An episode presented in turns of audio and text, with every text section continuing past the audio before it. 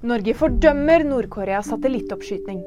Dette er landets tredje forsøk på å få en rekognoseringssatellitt ut i verdensrommet, ifølge Utenriksdepartementet. Utenriksminister Espen Barth Eide sier at Norge ber nordkoreanske myndigheter om å avstå fra flere oppskytninger. Det har skjedd en økning i luftveisinfeksjoner blant barn i Kina, ifølge Verdens helseorganisasjon. Ifølge Promed, som overvåker sykdomsutbrudd, er kinesiske sykehus overveldet av syke barn. Kinesiske myndigheter mener økningen skyldes åpningen av samfunnet og økt sykdomsspredning. Ingvar Ambjørnsen ble hyllet med hederspris. Torsdag ble Brageprisen 2023 delt ut, og kveldens gjeveste pris gikk til Ambjørnsen.